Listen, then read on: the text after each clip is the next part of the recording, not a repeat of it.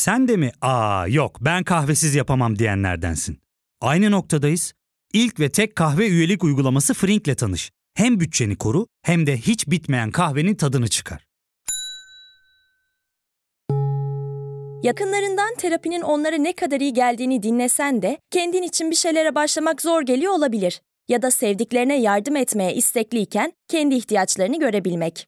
Hayvel, uzman psikologlarıyla kendi ihtiyaçlarını bulmanda sana destek olacak. Terapi yolculuğuna başlamak için detaylı bilgi bölümün açıklamalarında. Ne, neden, nasıl? Bu bilgiyle ne yapacağım? Tanrı öldü. Postmodernizmden ne anlamalıyız gerçekten? Nedir bu diyalektik dedikleri? Sanırım ben bir at sineğiyim. Varoluşunun hakkını ver. Gerçeklik gerçeklikten sürüldü. Üzerimde yıldızlı gök, içimde ahlak yasası. yasası.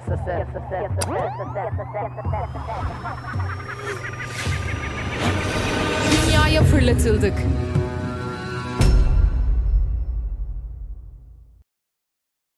Bu bölümde Filozof ile Felsefe Tarihi serisine kaldığımız yerden devam edeceğiz. Elbette belgeselin de yeni bölümleri sürekli gelmeye devam edecek. Fakat bu belgesel projesini hem dış hem de iç görü olarak YouTube ve podcast'te ortak yürüttüğüm için 5 Şubat pazar günü YouTube'daki ilk içeriği paylaşacağım. Ve ardından onu takip eden hafta ise Felsefenin İzinde Yolculuk projesinin ikinci podcast bölümü gelecek. Özetle her hafta yeni içerikler olmaya devam edecek. Kimi zaman klasik dilozof içeriği, kimi zaman ise yollardaki Dilara'dan.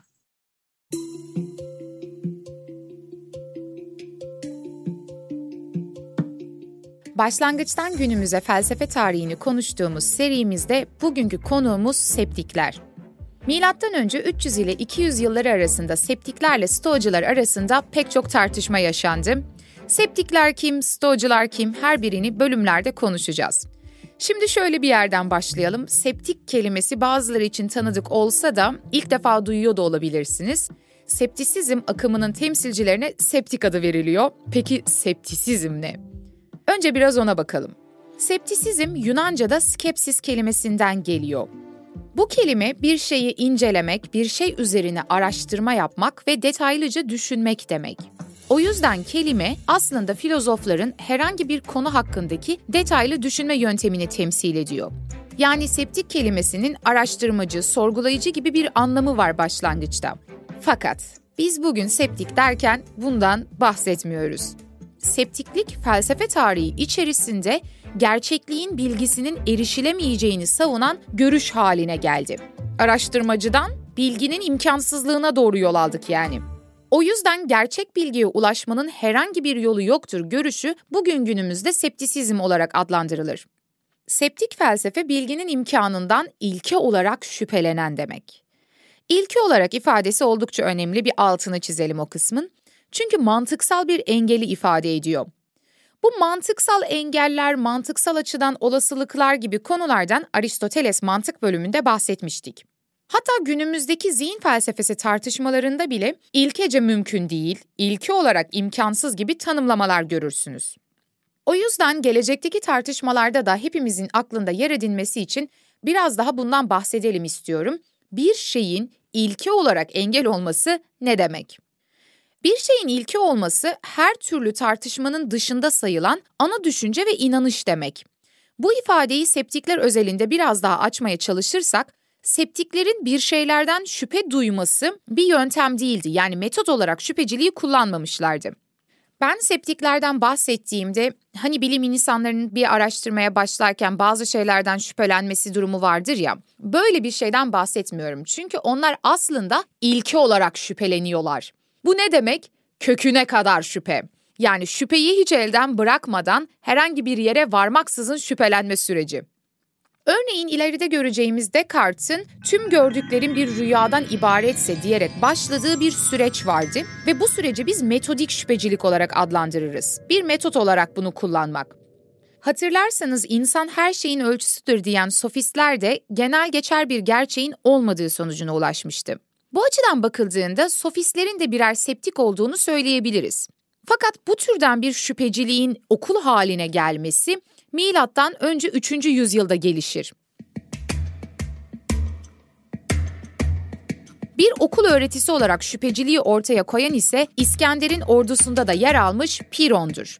Milattan önce 365-275 yıllı dolaylarındayız. Septik Piron'un savunduğu şey şu.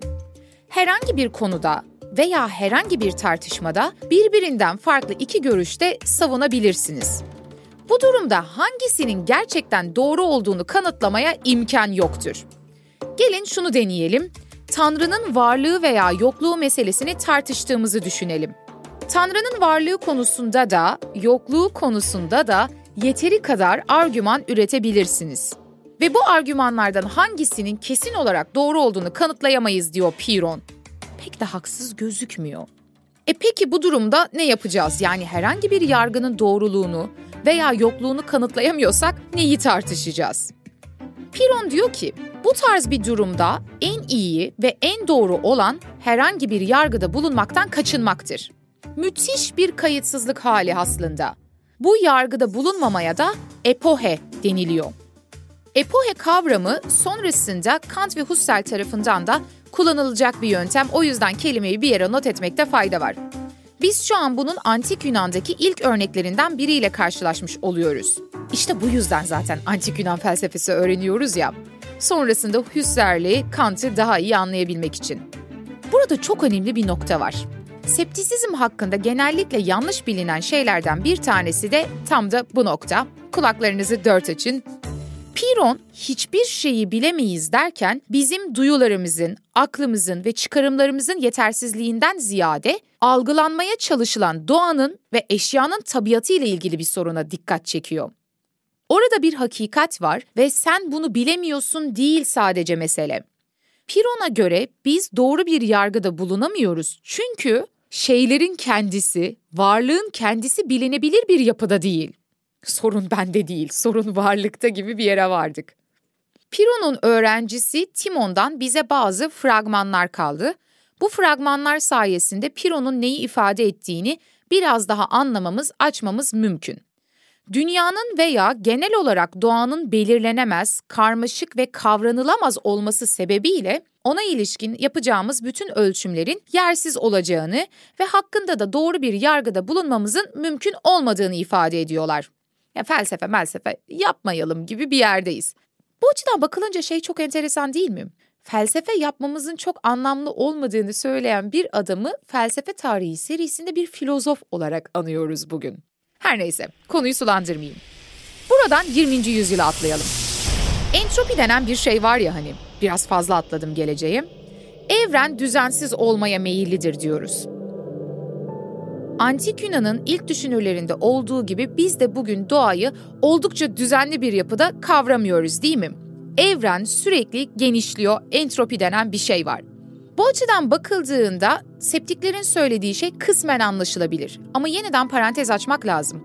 Evren genişlediği için kozmos yani düzenli bir yapıda olmadığını söylemedim. Çünkü eğer düzenli bir yapıda olmasaydı fizik adını verdiğimiz bir disiplin olmazdı. Neyi ölçüyoruz, neyi öngörüyoruz o zaman değil mi? Genişlese bile onu öngörebildiğimize göre burada bir düzen var.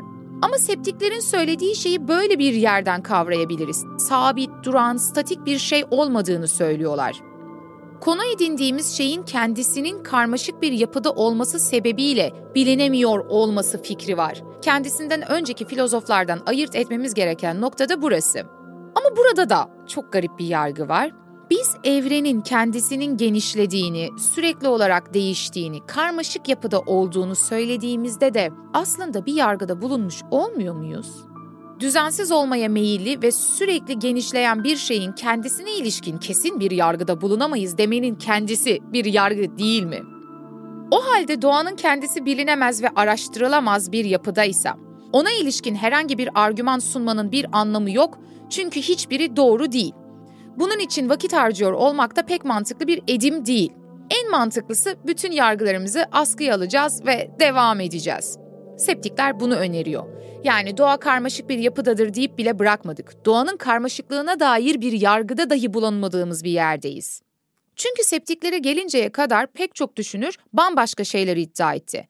Thales, Anaximenes, Anaximandros, Herakleitos, Parmenides, Pitagoras, Sofistler ve Platon. Bir de Aristoteles var tabii. Bu düşünürlerin her biri kendi argümanlarının doğru olduğunda ısrarcıydılar. Buna karşın hiçbiri argümanlarının kesin olduğunu kanıtlayamamakla birlikte diğerlerinin argümanlarını da tam olarak çürütemedi.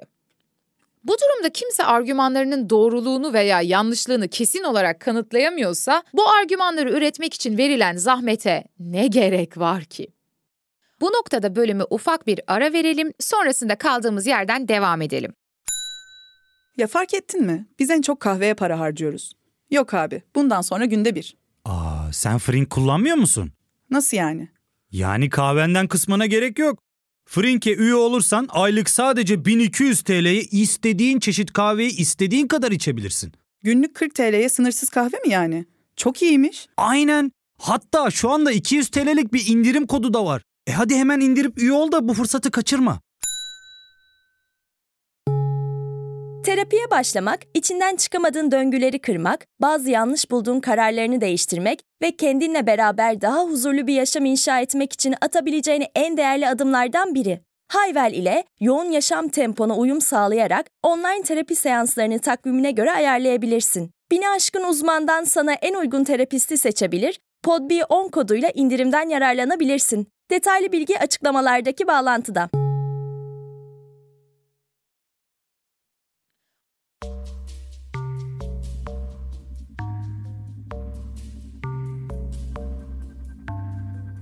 Septiklere göre doğa bakımından hiçbir şey iyi ya da kötü değil. Çünkü bir şey doğası bakımından iyi ya da kötü olsaydı herkesin o şeyin iyiliği veya kötülüğü hakkında hemfikir olması gerekirdi. Burası güzel bir konu. Bunu düşünebiliriz aslında.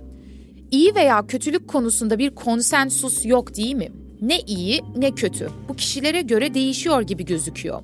Bu durumda ahlaki bakımdan da bir şeyin iyi ya da kötü olması gibi bir ayrım yok aslında. Gerçekte yok. E peki toplumdaki bu iyi kötü algısı nereden oluşuyor? Uzlaşımsal ve alışkanlıklara dayalı. Peki bu durumda ne yapacağız? Nasıl yaşayacağız? Şüphecilik yani septikler bize nasıl bir yaşama biçimi sunmuş oldu? Hiçbir şeyi bilemiyorum, bilememem sonucunda karmaşık bile demekten kaçınıyorum. Çünkü bütün yargılarımı epokeye uğratmıştım yani askıya almıştım. İyi veya kötülükten de emin değilim. E ne yapayım? Hani şey vardır ya, L koltuklarda bir köşe yastığı vardır. Nereye ait olduğunu bilmezsiniz. Böyle bir köşe yastığı hissiyatıyla var olmaya devam mı edelim? Septikler böyle bir yöntemin daha mutluluk verici olduğunu düşünüyorlar. Buna şaşırmış olabilirsiniz. Çünkü bizim düşüncemizden biraz farklı. Ben sürekli kuşku ve şüphe altında yaşamayı biraz rahatsız edici bulabilirim. Şeyleri kategorize ederek oturtmak bende bir konfor alanı sağlıyor. Bu benim bütün huzurumu kaçırırdı. Ama şüpheciler bu fikrin tam aksine aslında mutlak bir kayıtsızlıkla büyük bir huzura ulaşılacağını savunuyorlar. Hatta bu huzurun bir ismi var, ataksi. Bu şöyle bir şey aslında. Geleceği tahmin edebiliyor muyum? Hayır. Bilebiliyor muyum? Hayır. O zaman neden endişe edeyim ki? Şimdiki anın tadını çıkar. Bertrand Russell bu türden bir kuşkuculuğun tembel insan tesellisi olduğunu söyler. Çünkü bu durumda cahil ve bilgi arasında hiçbir ayrım kalmaz aslında. Hatta cahil ve bilge denen bir şey dahi kalmaz. Çünkü bilgi söz konusu olduğunda hepimiz eşitiz, hiçbirimiz hiçbir şey bilmiyoruz. Ben bunları anlatırken kafanızda bazı soru işaretleri oluştu mu bilmiyorum. Umarım oluşmuştur çünkü bu podcast serisinin bütün amacı bu. Ama ben sizin kafanızdaki soruları tahmin edip o soruları yanıtlamaya çalışayım. Ben olsam şu tarz bir soru yöneltebilirdim bana veya septiklere. Evren hakkında, doğa hakkında ve şeylerin doğası hakkında metafizik yargılarda bulunmaktan kaçınmak yapılabilir bir şey. Ama hiç kimse yolda yürürken bir kuyuyla karşılaştığında orada bir kuyunun gerçekten olup olmadığından kuşku duyarak kuyuya düşmez. E hani kuşku? Madem ki şeylerin varlığı şüpheli, neden trafikte arabaların önüne atlamıyorum? Bu durumda bütün duyumsallığı askıya almak ne derece mümkün? Böyle bakıldığında pek mantıklı olmuyor sanırım, değil mi? Ama şüpheciler bu aklımızdaki sorulara ilişkin bir açıklama yapıyorlar aslında. Bahsettiğimiz bütün her şeyden şüphe duymak ve kuşkuyla yaşayıp yargılarımızı askıya almak değil, tam olarak bu değil. Aklınıza bu tarz bir soru gelmişse hemen onun yanıtını sizinle paylaşmak istiyorum. Şüpheciler zaten bu türden bir suçlamanın yersiz olduğunu söylüyorlar. Gördüğümüz şeyleri ortadan kaldırmadıklarını, sadece gördüğümüz şeylere ilişkin sunmuş olduğumuz yargıların doğruluğunun şüpheli olduğunu söylüyorlar. Şöyle derler. Biz olayın, görünenin kendisini kabul ediyoruz ama onun göründüğü gibi olduğunu reddediyoruz. Biz ateşin yaktığını algılıyoruz ama ateşin doğasının yakmak olduğuna dair yargıdan kaçınıyoruz. Burayı biraz açmak lazım. Kuşkuculardan biri olan Timo'nun fragmanlarına bakalım. Ben balın tatlı olduğunu ileri sürmüyorum ama onun öyle göründüğünü kabul ediyorum. Onun gerçekte ne olduğu ile onun bana göründüğü şey arasında bir ayrım var septiklere göre. Balın tatlı olduğu, balın kendisinde tatlı olduğunu söylemiyorum. Bana görünen şey tatlı olmak. Görünmek derken burada kastettiği elbette benim duyusal organlarıma sunulan görünüşü ve bu görünüşün arkasındaki gerçekliği. Bu görünüş dediğimiz şeye Grekçe phenomenon deniyor. Türkçe'de fenomen demek. Biz bunu fenomen olarak kullanacağız. Ama e, YouTube fenomenlerinden bahsetmiyoruz. Kelimenin buraya gelmesi de enteresan bir konu zaten. Biz bal tatlıdır dediğimizde bal tatlı gibidir demiş oluyoruz. Hatta bal bana tatlı gibi gözüküyor diyoruz. Ama bu iddiaların hiçbiri balın gerçekten ne olduğuna ilişkin bir şey söylemiyor. Ne demem gerekiyor aslında? Bal bana tatlı gibi gözüküyor. Sadece balın benim deneyimlerime sunulmuş biçimine ilişkin bir yargıda bulunmuş oldum. Yani burada balın gerçekliğine ilişkin değil, benim bal deneyimime ilişkin bir şeyler söylüyorum. Buradaki sorun ise şu. Ben bal deneyimlerimden yola çıkarak bal deneyimlerimde bana sunulan bazı şeyleri sanki balın kendi doğasına aitmiş gibi söylüyorum. Ama bu noktada şunu sorabilirsiniz. Yani balın benim deneyimime sunulan şeyden başka bir gerçekliği var mı ki? Felsefi sorun ise şu. Onun gerçekten göründüğü gibi olup olmadığı. Fenomen dediğim kelime görünüş demiştim. Sonrasında mesela fenomenoloji denen bir öğretiden bahsedeceğim. Fenomen ve loji son ekinden oluşmuş değil mi? Biraz kavramlara bakalım, ne demek olduğunu anlayalım çünkü septiklerle de aslında ilişkili. Fenomen artı loji eki. Loji eki sizin için de tanıdıktır zaten. Bugün pek çok bilimsel disiplinde de var. Mesela zooloji, kardiyoloji, biyoloji gibi. O loji eki eski Yunanca'daki logos kelimesinden geliyor. Bu kelimeden bahsetmiştik. Akıl, bilgi ve hakikat anlamında. O halde fenomen artı logos, fenomenoloji, görünüşlerin bilimi demek. Ben fenomenolojik bir açıdan bakıldığında bal hakkında konuştuğumda aslında balın kendi varlığı hakkında değil de balın benim deneyimlerime sunulmuş hali üzerine konuşurum. Görünüşü üzerine konuşuyorum. Balın benim deneyimime gözüktüğü halinden başka bir gerçekliği olduğu veya kendisinde ne olduğu tarzı bir sorgulama manasız geliyor olabilir ama biraz daha sabretmenizi rica edeceğim. Şöyle bir yere varalım. Ben kendimi ve kendi zihnimi nasıl bilirim? Dolaysız ve apaçık. Ama ben balı kendimi bildiğim gibi bilemiyorum. Çünkü bal bana içkin değil, bana aşkın. Hemen iki kavram daha türedi, içkin ve aşkın. Immanent ve transcendent.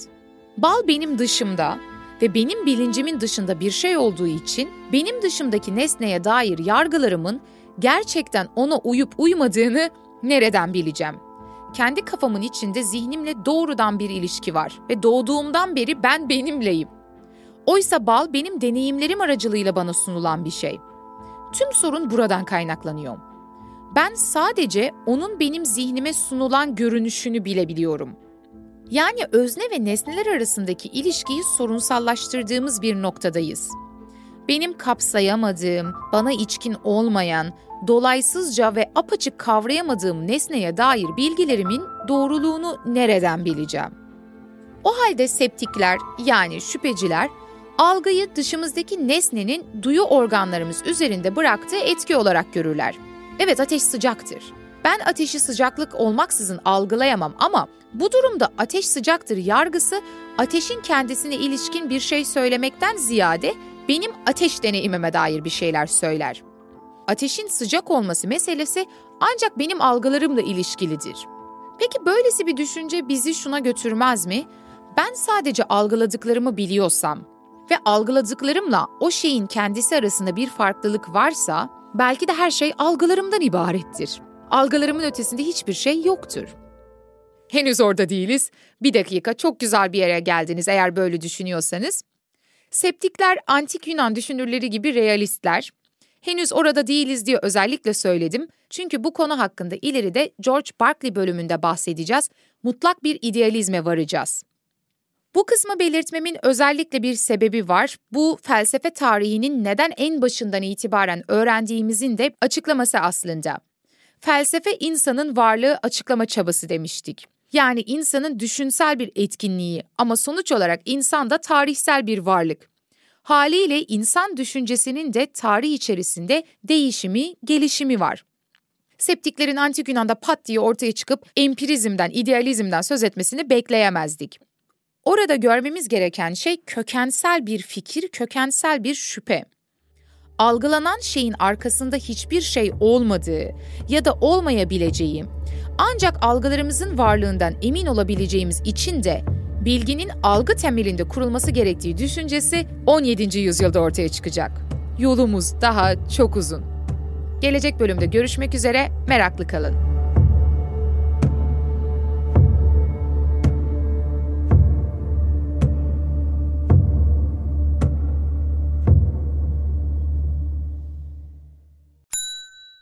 İlk ve tek kahve üyelik uygulaması Frink, 46 ildeki 500'den fazla noktada seni bekliyor. Açıklamadaki kodu girerek sana özel 200 TL'lik indirimden faydalanmayı unutma. Hadi sen de Frink üyeliğini başlat, kahven hiç bitmesin. Hem bugününe hem yarınına katacaklarıyla terapi yolculuğuna ve daha iyi hissetmeye bugün Hayvel ile başla. Açıklamadaki linkten Hayvel'i indir, ücretsiz tanışma görüşmelerinin ardından bütçene uygun seans paketini seç ve terapi yolculuğuna başla.